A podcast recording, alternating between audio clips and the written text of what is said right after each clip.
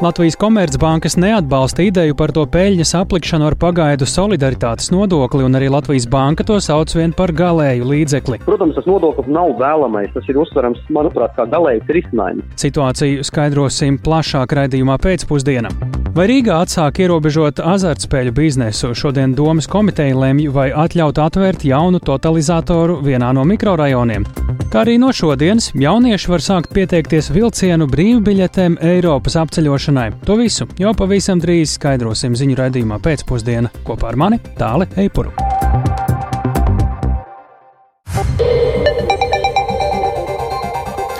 Ir 16,5 minūtes, skan pēcpusdienas ziņu programma, skaidrojot šodienas svarīgus notikumus. Studijā Tāls Eipurs. Pedagogi rīkos trīs dienu streiku visā Latvijā, to sākot ar protesta akciju 24. aprīlī. Tā šodien lēmusi Izglītības un zinātnes darbinieku arotbiedrības padome. Arotbiedrība arī neplāno vairs nekādas izlīgšanas sarunas ar politiķiem. Kāpēc pieņemts šāds lēmums pie mūsu klausulas arotbiedrības vadītāja Inga Vānaga? Labdien! Sveicināti! Kas ir skaidrs, par ko vēl jāvienojas attiecībā uz protesta akciju un streiku? Nu, būtībā streika vienošanās bija. Skaidrs ir tas, ka tā ir pārkāpta, netiek izpildīts viss streika vienošanās. Sarunas ir bijušas ļoti daudz, gan ar iepriekšējo valdību, gan jau arī ar šīs valdības pārstāvjiem. Nu, un, uh, arī solītais grafiks netika pieņemts ne kopā ar budžetu, ne arī vakar valdībā. Un mums ir jāatjauno streika procedūra un arī gājiens būs ar uzstādījumu pieprasīt politiķu atbildību. Uh, jā, nu tas ir tas pamat, pamat uh, lēmums šodienas padomē. Kas vēl ir tas, kas jāizlemj vai jāizdara līdz streikam un protesta akcijai? Mums trīs nedēļu laikā ir jāprecizē streika dalībnieku skaits, un mēs ļoti ceram, ka nozares darbinieki visi uh, saliedēsies, būs solidaritāte. Tātad ik viens, kurš nepaspēja pieteikties rudenī uz streiku, to var izdarīt tagad. Un uh, gājienā tātad arī ik vienam nozares darbiniekam ir iespēja pieteikties trīs nedēļu laikā. To visu koordinēs mūsu reģionālie līderi. Un, uh, jā, tas aicinājums joprojām paliek tāds, ka beidzot ir jāpieliek punkts tam, ka trīs gadu desmitus ir nemitīgi jāiestājās par to, lai pieprasītu no politiķiem atbildību un lai tiktu pildīts likums, kas ir bijis spēkā jau no pašas pieņemšanas, izglītības likums, kas paredz pedagogiem šo darba samaksas paaugstināšanas grafiku. Neko vairāk, jo mēs neprasam kā pildīt spēkā esošas likumus, valdības lēmumus, streika vienošanos un uh, politiķu atbildību par uh, nu, viņu pilnvarā, pilnvaru laikā tātad šo veikto. Ja? Jā. Mēs, mēs esam atbildīgi par saviem pienākumiem un no politiķiem. Par šo saturu mēs arī esam arī pietiekami daudz runājuši, runājot vēl par šo streiku.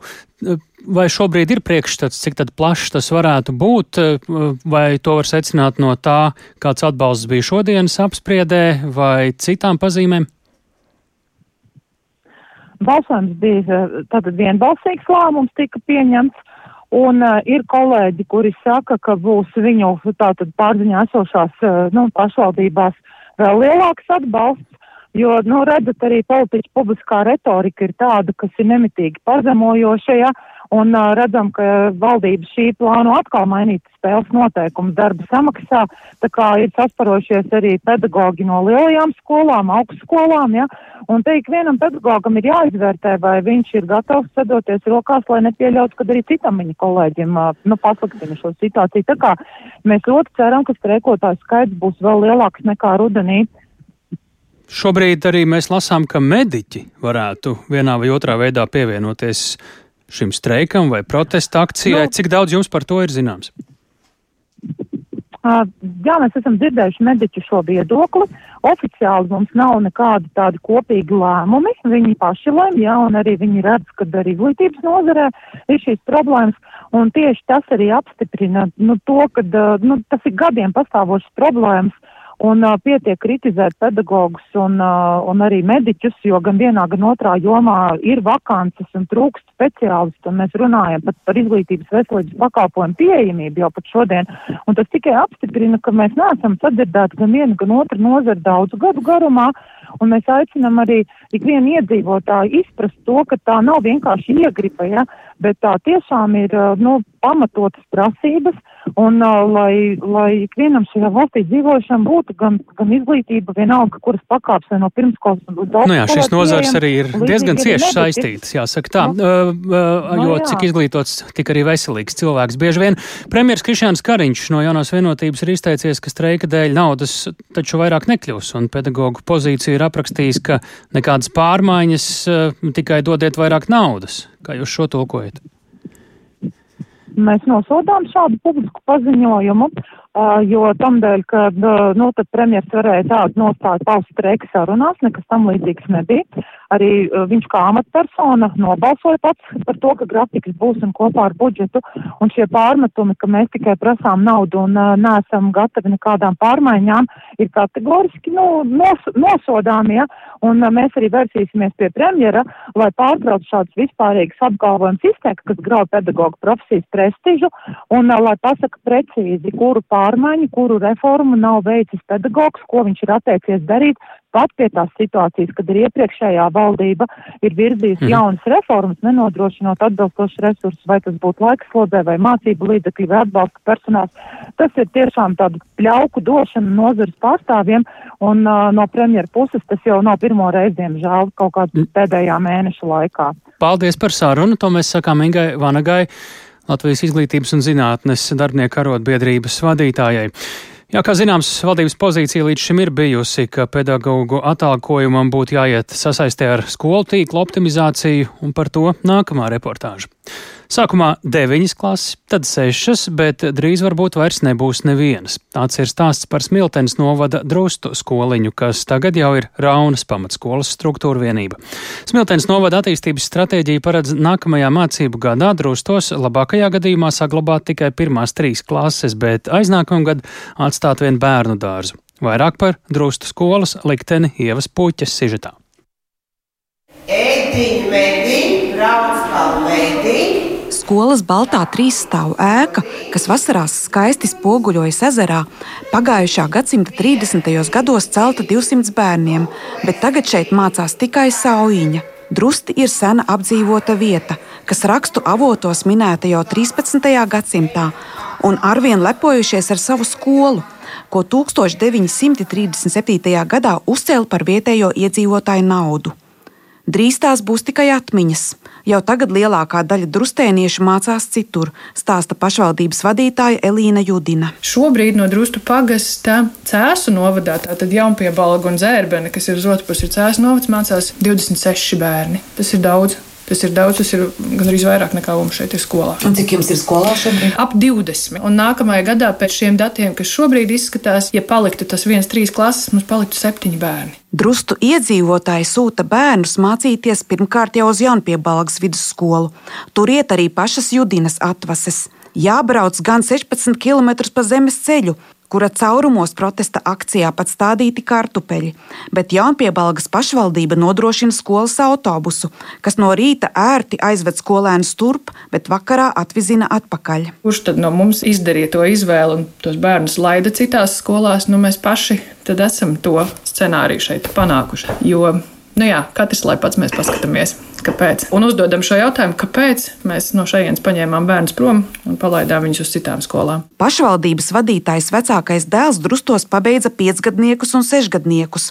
Viņa ar izglītības kvalitāti bijusi ļoti apmierināta, taču pirmajā klasē tomēr izlēma zēnu laist Jaunpiebalgas skolā, kur ir daudz attīstītāka interešu izglītība, ir mākslas un mūzikas skola. Sekojot vecākajam brālim, jaunākais bērns sāka iet jaunpiebalgā arī bērnu dārzā. Jo mazāk skolēnu, jo neatraktīvāka arī citiem kļuva drustu skoliņa, un jo grūtāk tai nācās piesaistīt pedagogus. Lai skolu tomēr glābtu, vēl pirms novadu reformas pieņēma lēmumu to pievienot 20 km attālajai Raunas pamatskolai. Skolotāji un arī bērni braukāja no vienas skolas uz otru, bet skolēniem tas bijis visai nogurdinoši, stāsta Vēsma, Inga un Ieva. Viņas starpbrīdī sastopa drustu skolas skolotāju istabā, kuras garais galds vēl liecina par daudz lielāku pedagoģu skaitu. 7, 8, 9 klase braukāja uz Raunu Tur divas dienas nedēļā vai vienu dienu nedēļā, kā nu kura klase, arī 5. un 6. braukāja. Mm. Un pēc tam mums tāda reorganizēja un palika 1. un 6. klase, un tad izskatās. Un cik gadus braukāja? Divi, Bet tas nestrādāja ja, īsti. Nē, jo viņiem neiejūtās kolektīvā ne te, ne tur. Arī ceļš no Drustiem līdz Vidzemes šosejai, kur var nokļūt tālāk uz Raunu un arī uz Rīgu, nosvaltēts tikai pirms diviem gadiem. Skolotājs to sauc par vienu no apstākļiem, kāpēc viņu pagastā stagnē ekonomika un arī bērnu dzimst arvien mazāk. Nav kas iebilst arī pret skolas slēgšanu. Tādi nu, lieli protesti un klaidāšana nebija. Man liekas, arī, ka lauku skolas ir nogurušas un mākslīgi vājināts ar šo slēgšanas tēmu. Cik var mocīt? Nu, tev gadu no gadiem, un cik ir pagājuši gadi, kad jau teica, jau, ka kaut kas jau ka kaut ko aizslēdz. Tas jau arī nomoka tās mazās skolas, jo ir beidzās gads. Tā visi tā simtprocentīgi nezina, ka arī septembrī tiešām atvērsies, un ka tev tajā 8. vai 9. klasē, ja tev tas bērns ies, vai viņam būs tā skola vai nebūs. Jā, jo tas ir kurā mirklī laika tā nezina. Ko viņas pašas tālāk darīs? Jautāju. Ir ko darīt. Būs darbs, darbs skolotājiem vienmēr ir. Brauksiet kaut kur citur. Turpat, kur es braucu, tur es arī braukšu uz Raunu. Es domāju, ka es izglītības sistēmā nestrādāšu, tad, kad te beigsies. Lai viņu kāds sakārto. Drustēnieši šobrīd ir pieņēmuši realitāti, ka skola dzīvo savas pēdējās dienas. Par ēku, kam pagājušo gadu svinēja 85. jubileju, dzimstot vīzija, ka pagastā ar 700 iedzīvotājiem tā varētu kļūt par kopienas centru, kur pārcelsies biblioteka, muzejs un arī pagasta pārvalde. Ieva Puķe, Latvijas radio. Jā, nu, naudas trūkst, bet uh, kur to iegūt? Iespējams, arī Latvijā. Daļu komercbanku peļņas varētu novirzīt valsts budžetā. Līdzīgi kā tas uh, pagaidām gan ieceres līmenī ir Lietuvā, ieviešot jaunu pagaidu nodokli banku peļņai. Finanšu ministrs Arvils Ašerādens ir paredzējis nākamnedēļ šādu ideju piedāvāt apspriešanai koalīcijā, pats gan pret šo risinājumu viņš izturs ar piesardzību. Latvijas banka šādu ideju par nodokļu ieviešanu jau ir nosaukusi par galēju soli. Plašāk Zānes Eniņas ierakstā. Lietuvā Finanšu ministrija sagatavojusi priekšlikumu par jaunu nodokli, jeb solidaritātes nodevu Komercbanku peļņai, jo saskatījusi iespēju tādā veidā papildināt valsts budžetu. Peļņa Lietuvas bankās ir ievērojami pieaugusi, ņemot vērā, ka Eiropas centrālā banka ir viena ceļu procentu likmes, kas sadārdzina aizņēmumus. Proti līdz šim Komercbanku peļņa Lietuvā gadā bijusi ap 300 miljoniem eiro, taču prognozes par šo un nākamo gadu liecina, ka tā varētu sasniegt miljardu eiro. Arī Latvijas komercbankām šogad paredzams ievērojams peļņas kāpums, turklāt neuzņemoties nekādu papildus risku. Līdz šim par šīs peļņas aplikšanu ar nodokli nav bijis runas. Lai panāktu banku solidaritāti ar sabiedrību, Latvija iet citu ceļu un no komercbankām sagaida pretimnākšanu citādā veidā. Turpina Latvijas bankas pētniecības daļas vadītājs Kārlis Vilerts. Pirmkārt, tās būtu augstākas noguldījuma likmes Latvijas iedzīvotājiem. Tas attiecās gan uz maisaimniecībām, gan uz uzņēmumiem. Nevajadzētu būt tādai situācijai, ka noguldījuma likmes Latvijā ir būtiski zemākas nekā tās, ko mēs redzam kaimiņu valstīs. Piemēram, Igaunijā noguldījuma likmes ir krietni augstākas. Vēl Latvijas banka vedina Komercbanka samazināt izmaksas, ar kurām saskars banku klienti. Piemēram, komisijas maksas par kredītu izskatīšanu vai kredīta pārfinansēšanu. Trešais virziens - sagatavot labvēlīgu vidi kreditēšanas palielinājumam tuvākā nākotnē, uzlabojot pakalpojumu pieejamību un daudzveidību, jo, kā izteicās Kārlis Vilerts, kreditēšana ir ekonomikas asinsrite. Tikai tad, ja situācija nemainās, ja kreditēšana turpina būt vāja, likmes augstas un depozītu likmes zemas, politiķi varot rīkoties līdzīgi kā kolēģi Lietuvā.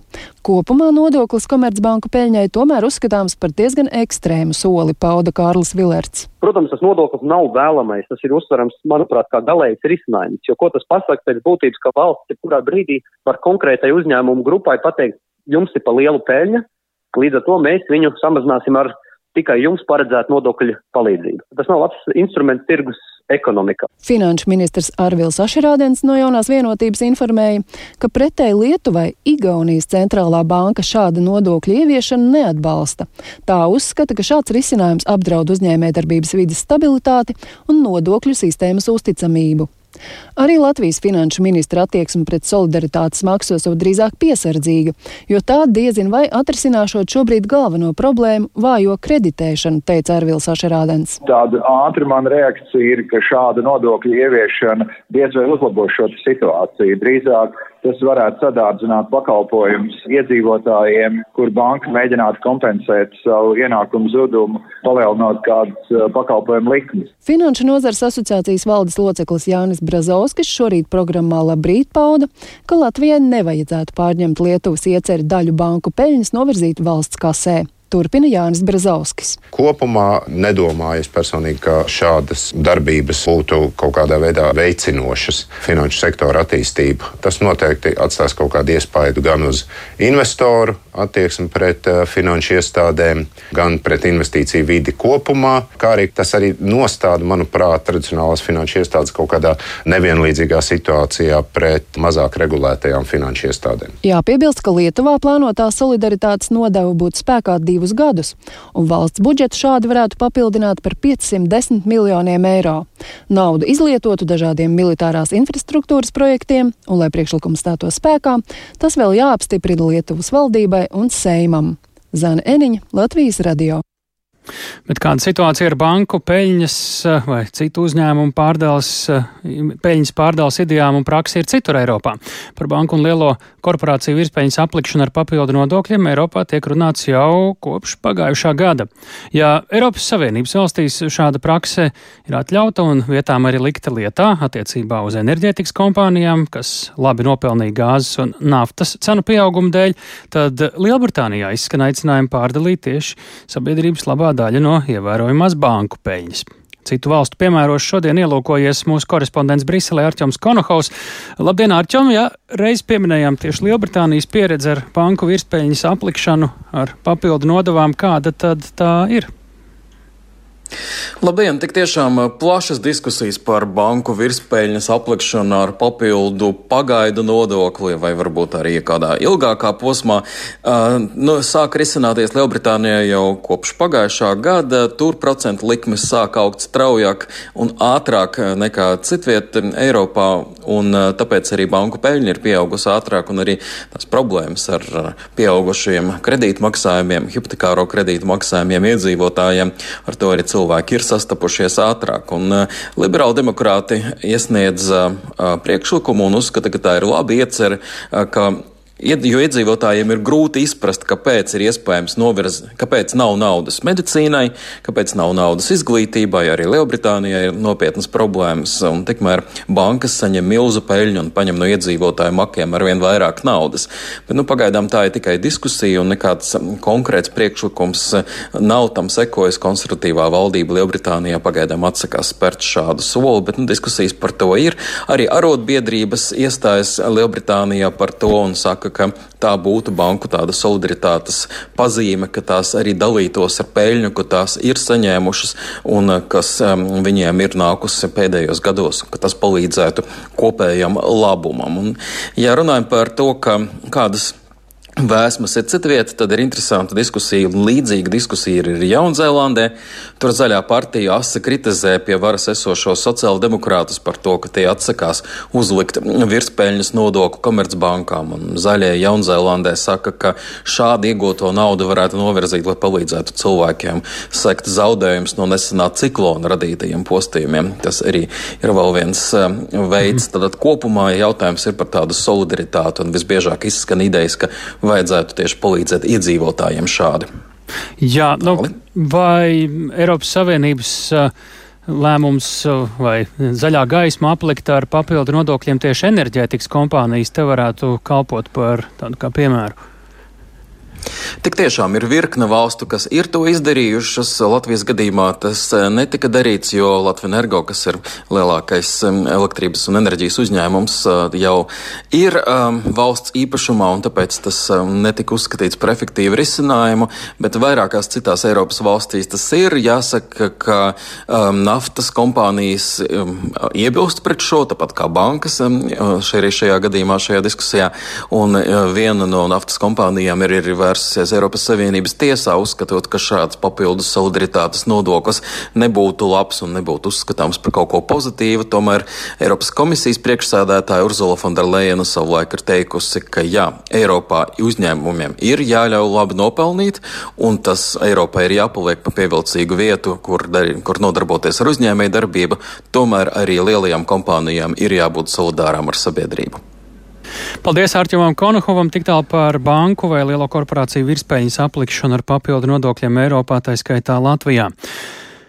Skandalozu slavu iemantojušais iepriekšējos gados aizsardzības ministrijā organizētais sadārdzinātais iepirkums par armijas ēdināšanu nav pietiekams pamats likt no amata atkāpties pašreizējai aizsardzības ministrei Inārai Mūrniecei no Nacionālās apvienības. Tā lēmuši saimas deputāti. Pašlaik iepirkuma izmeklēšanā jau iesaistījusies ģenerāla prokuratūra, arī korupcijas novēršanas un apkarošanas birojas. Deputāti aicina vērtēt arī citu amatpersonu atbildību. Vairāk Jāņa Kīņča sagatavotajā ierakstā. Iepirkumu par pārtiks apgādi Nacionālajiem bruņotajiem spēkiem turpmākajiem pieciem gadiem organizēja iepriekšējā aizsardzības ministra Arta Pabrika Latvijas attīstībai pārstāvja laikā. 220 miljonu eiro vērtajā iepirkumā izraudzīja rojā reģistrētu ēdināšanas uzņēmumu Zītari LZ. Izrādījies, ka iepirkuma laikā mainītas prasības pretendentiem, savukārt plānoto līgumu summu valsts nemaz nevarētu atļauties. To saimas ārkārtas sēdē uzsvēra tagadējā aizsardzības ministra Ināra Mūrniec no Nacionālās apvienības. Uzzinot par iepirkuma apstākļiem, viņa tos iespējami ātri cēlusi gaismā. Ministra uzsvēra, ka lielāku skaidrību sagaida no dienesta izmeklēšanas un arī tiesību sargājošo iestāžu darba. Piemēram, nesot vērtēta pretendenta pieredze loģistikas, tas ir transporta noliktavu pieejamībā, bet tikai ēdināšanas jomā. Kā to izskaidrot? Labs jautājums. Ceru, ka palīdzēs uz to atbildes rast dienesta pārbaude, kas ir jau daudz nopietnāka. Kliedzošākais pārkāpums saistīts ar šī iepirkuma plānoto līguma summu. Respektīvi 220 miljoniem eiro, kas potenciāli var pāraugt 330. Nu, kādā veidā no sākotnējiem 8 miljoniem eiro varēja nokļūt pie šīm summām? Te jau ļoti nopietni būtu jāstrādā tiesību sargājošajām iestādēm. Saimnes opozīcijas deputāts, viens no aizsardzības ministras demisijas pieprasītājiem, Ainārs Šlesters no Latvijas pirmajā vietā pauda, ka atbildība par aizdomīgo iepirkumu jānes iepirkuma komisijas dalībniekiem. Tajā skaitā komisijas vadītājam Ērikam Ezeriņam, kurš ir ministrs partijas biedrs. Visdrīzāk, ka jūs pametat zem tankiem un pat nepateicat, ka atbildīgais par šo iepirkuma komisiju ir bijis jūsu partijas biedrs. Bet nevar būt tā, ka valstī nepazīstami cilvēki, kurus pat saimnes deputāti nezina, pieņem lēmumus par 220 vai 330 miljonu iepirkumiem. Un vēl viena lieta, bet ko ir darījis Garisons? valsts sekretārs šajā laikā, kurš nav mainījies.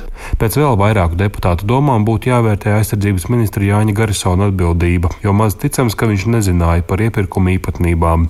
Tā izteicās arī koalīcijā ietilpstošā apvienotā sarakstu deputāte Ieva Brante. Es pieprasu Mūrnieces kundzei no saimas tribīnas apstiprināt, ka pēc šiem pārkāpumiem, kas ir acīm redzami, sekos Garisona un Ezeriņa kunga atstādināšana no amatiem uz pārkāpumu izmeklēšanas laiku.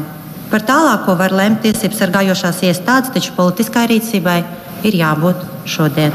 No iepirkuma komisijas vadītāja Ērika Ezeriņa atbildi par pārmetumiem Latvijas radio neizdevās iegūt. Vai saskatāt iemeslu kaut ko sīkāk paskaidrot par šo iepirkumu, kas tagad ticis līdz dienesta pārbaudēji? Par to ir mans jautājums. Diemžēl jums būs jāgriežās uh, ministrijas prezidentām. Tāda mums tā kārtība ir noteikta komunikācija ar presi un rādio attiecīgi. Savukārt aizsardzības ministrijas runas vīrs Kaspars Galkins pauda, ka ministrija dienesta pārbaudas laikā par šo lietu plašākus komentārus nesniegs. Tikmēr pārbaudi sākus arī ģenerāla prokuratūras personu un valsts tiesību aizsardzības koordinācijas nodaļa. Iepriekš ministrija informāciju par iepirkumu sniegus arī korupcijas novēršanas un apkarošanas birojām. Ministrs demisijas pieprasījumu šīs dienas balsojumā atbalstīja tikai tā pieteicēji - 19 deputāti no divām saimas opozīcijas frakcijām. Jānis Kincis, Latvijas Radio. Rīgas pašvaldība pirmo reizi noraida lūgumu atvērt jaunu azartspēļu vietu ārpus pilsētas vēsturiskā centra, tā izmantojot jaunā pilsētas attīstības plānu pavērto iespēju. Un jaunieši varēs pieteikties bezmaksas Eiropas apceļošanas kartei. Šie un citi temati redzījumā pēcpusdiena jau tuvākajās minūtēs.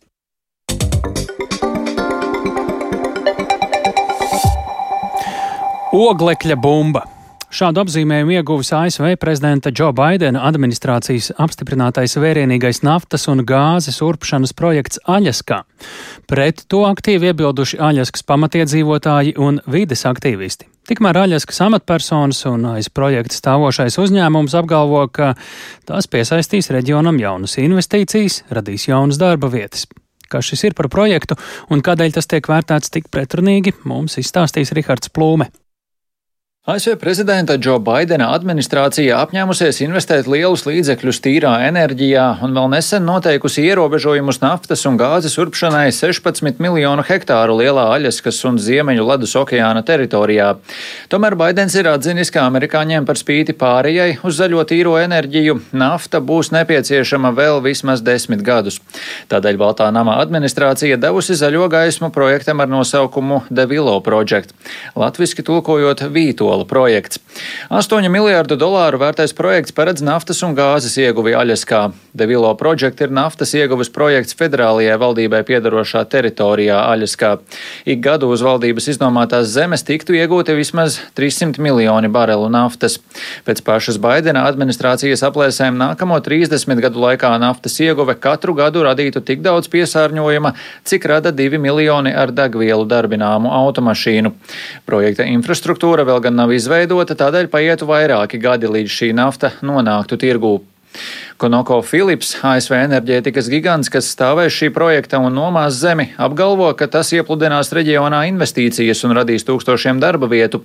Tam piekrīt arī kongresā Aļasku pārstāvošie trīs politiķi, kas ar lēmumu projektu uzsākt ir apmierināti, jo tas došot labumu vietējām kopienām. Viņu ieskatā tas palīdzētu palielināt enerģijas ražošanu pašmājās un mazinātu valsts atkarību no ārvalstu naftas.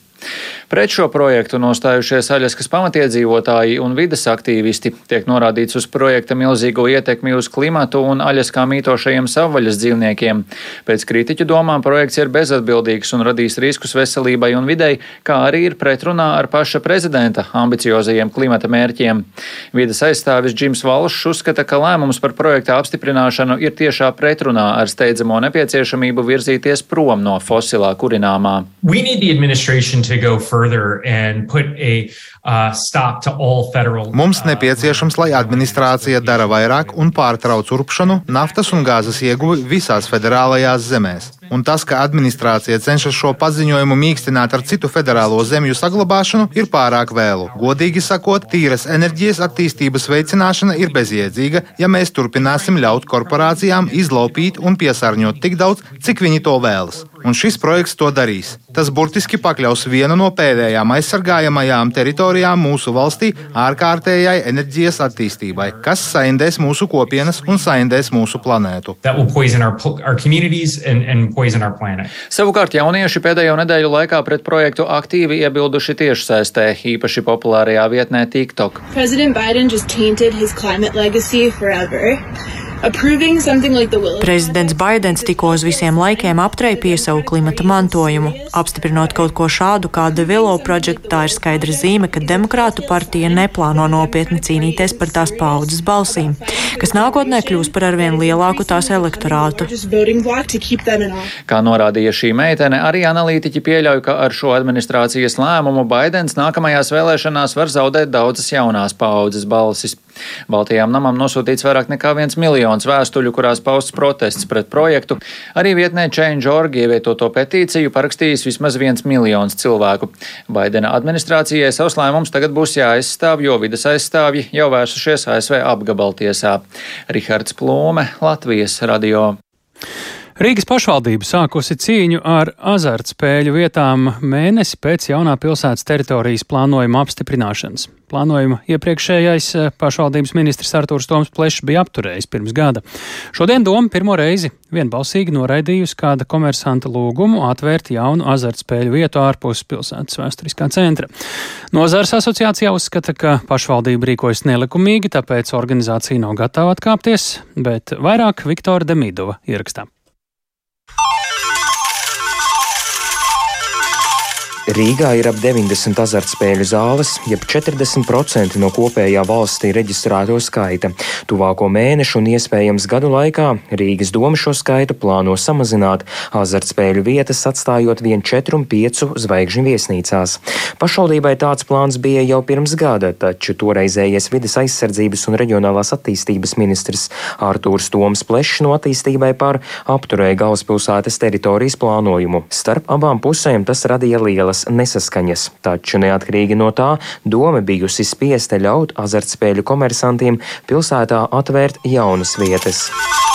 Pirms mēneša jaunais ministrs Māris Sprindžuks no apvienotā saraksta atcēla pleša lēmumu. Tādējādi Rīgā stājās spēkā jauns teritorijas plānojums, kas ierobežojot azartspēļu attīstību. Šodien Drošības kārtības un korupcijas novēršanas jautājumu komitejas sēdē deputāti pirmo reizi vienbalsīgi noraidīja lūgumu atvērt jaunu spēļu vietu, ko cerēja izveidot ārpus pilsētas vēsturiskā centra. Turpina juriste Inese Rozentālberga no domas tiesas tiesiskās uzraudzības nodaļas. Iesniedzējiem tika lūgts izteikt viedokli, uz ko tika saņemts lūgums pagarināt termiņu viedokļu sniegšanai lietā ar 30 dienām, un šis lūgums pamatots ar to, ka iesniedzējs ir iesniedzis satversmes tiesā savu viedokli lietā, kur ir apstrīdēts ministra rīkojums. Šobrīd ir zināms, ka satversmes tiesa ir minēto lietu izbeigusi. Nepārprotam konstatēts, ka telpas neatrodas 4 un 5 saigžņu viesnīcā, un uh, iesniedzēja viedokli viedoklis nevar ietekmēt uh, tiesiskos apstākļus un normas, kas piemērojams lietā. Tas ir uh, pretiesiski strīds, kas ir starp gan nozari, gan varamu, gan pašvaldību par eh, šo regulējumu. Viņš ir joprojām spēkā. Ne tie grozījumi, kas tagad februārī tika pieņemti Rīgas vēsturiskā centra saglabāšanas aizsardzības likumā, ne arī pēc tam ministra rīkojums 15. Eh, februārī, tur nekur nav apskatīts azartspēļu regulējuma jautājums. Latvijas spēļu biznesa asociācijas prezidents Ārnis Vērzemnieks Latvijas radio norāda, ka valstī azartspēļu regulēšanas ziņā ir virkne dažādu interpretāciju, un tas radot daudzas nesaskaņas. Ja skatās azartspēļu un izložu likumu, tad azartspēles nedrīkst būt valsts iestādēs, baznīcās, skolās, aptiekās un vairākās citās publiskās vietās. Finanšu ministrijā norāda, ka pārējās vietas, kur azartspēlēm nedrīkst būt, nosaka katra pašvaldība. Rīga nolēmusi, ka tās var būt tikai augstāka līmeņa viesnīcās, turpina Vērzemnieks. No nu, kā Rīgas doma var ietekmēt pilnīgi citu biznesu, citu uzņēmējdarbības veidu, kas ir viesnīcas, vai Rīgas doma ir tādas tiesības? Visticamāk, ka nē. Lai sistēmu valstī sakārtotu, asociācija grasās vērsties vides aizsardzības un reģionālās attīstības ministrijā. Savukārt komitejas noraidīto komersanta lūgumu atvērt azartspēļu vietu jaunadēļ plāno skatīt domas sēdē. Viktors Demidovs, Latvijas radio.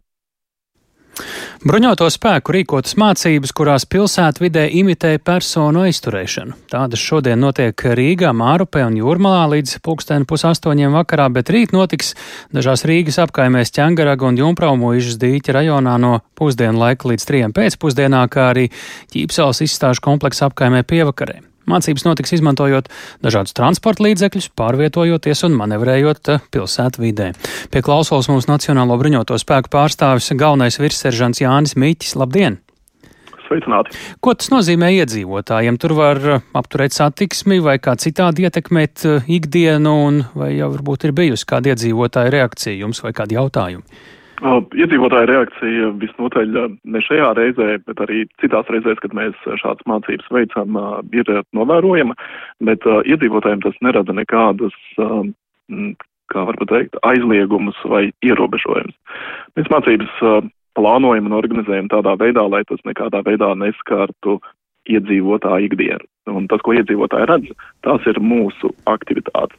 Bet tas, ko es tad aicinātu iedzīvotājiem darīt, ja viņi redz tādas aktivitātes, jā, viņi var noskatīties, viņi, protams, par to var ziņot arī policijai, jo tas būtu katram iedzīvotājiem jādara, ja viņš redz, kad uh, tiek aizturēts um, cilvēks uz ielas un tā situācija neskaidra. Un mēs savukārt no savas puses esam informējuši jau pašvaldību un policiju. Ir lietas kursā par mūsu mācībām, tātad uh, šādā veidā mēs taiskaitā varam no iedzīvotājiem redzēt atgriezenisko saisti saiti un iesaisti par šādu notikumu ziņošanu, un tā skaitā policija tad uzreiz var pateikt, ka jā, šeit viss ir kārtībā un situācija tiek kontrolēta. Tā kā jā, pie jūsu jautājuma atgriežoties, iedzīvotājiem šīs mācības nekādas uh, ierobežojumus neuzliek. Mm. Mēs esam pieraduši, ka aizturēšanas miera laikā pie mums veic citi drošības dienesti, varstot likuma pārkāpējus par kādu veidu aizturēšanām bruņoto spēku gadījumā tie runa. Bruņoto spēku gadījumā mēs sadarbojamies ar valsts drošības iestādēm un karavīri dēļ šīs sadarbības arī uztura šādas iemaņas, kas tad ir cilvēku aizturēšana pilsēta vidē, un ne tikai pilsēta vide, tas var būt arī ārpus pilsētas vai jebkura vieta jebkurš pārvietošanās līdzeklis, tad nu, tādai spējai karavīriem ir jābūt. Un to tad mēs arī uzturam augstā gatavībā. Iedzīvotāji tieši šajās apkaimēs ir kaut kā īpašāk informēti vai informācija izplatīta tikai tik, cik mēs redzējām sociālajos tīklos un dažām tik, cik uh, jūs redzējāt. Un uh, plašāku informāciju jā, sabiedrībai mēs uh, nesniedzam. Liels paldies par sārunu. Pie mūsu klausos bija Nacionālo bruņoto spēku pārstāvis galvenais virsseržants Jānis Miķis, bet uh, tagad par kādu pilnīgi citu tēmatu. Laba ziņa jauniešiem. Bezmaksas Eiropas apceļošanas karte jauniešiem. Jaunatnes starptautisko programmu aģentūra aicina jau piekto gadu arī Latvijas jauniešus, kuriem ir 18 gadi, pieteikties Eiropas Savienības iniciatīvai Discover EU bez maksas. Eiropas apceļošanas mērķis ir ļaut iepazīt tās daudzveidību, paplašināt redzesloku, un, lai pastāstītu jau dažas precīzākas detaļas, pie mūsu klausos šobrīd ir Līga Mūrniece, jaunatnes starptautisko programmu aģentūras komunikācijas nodaļas vadītāja. Labdien! Labdien! Īsumā, kā šī programma darbojas, tad, kad jau jaunietis ir iegūst šādu Eiropas apceļošanas karti, ko ar to var darīt, cik ilgi var darīt, kā? Jā, šobrīd pieteikšanās jauniešiem tātad ilgs no dienas pulkstens 12.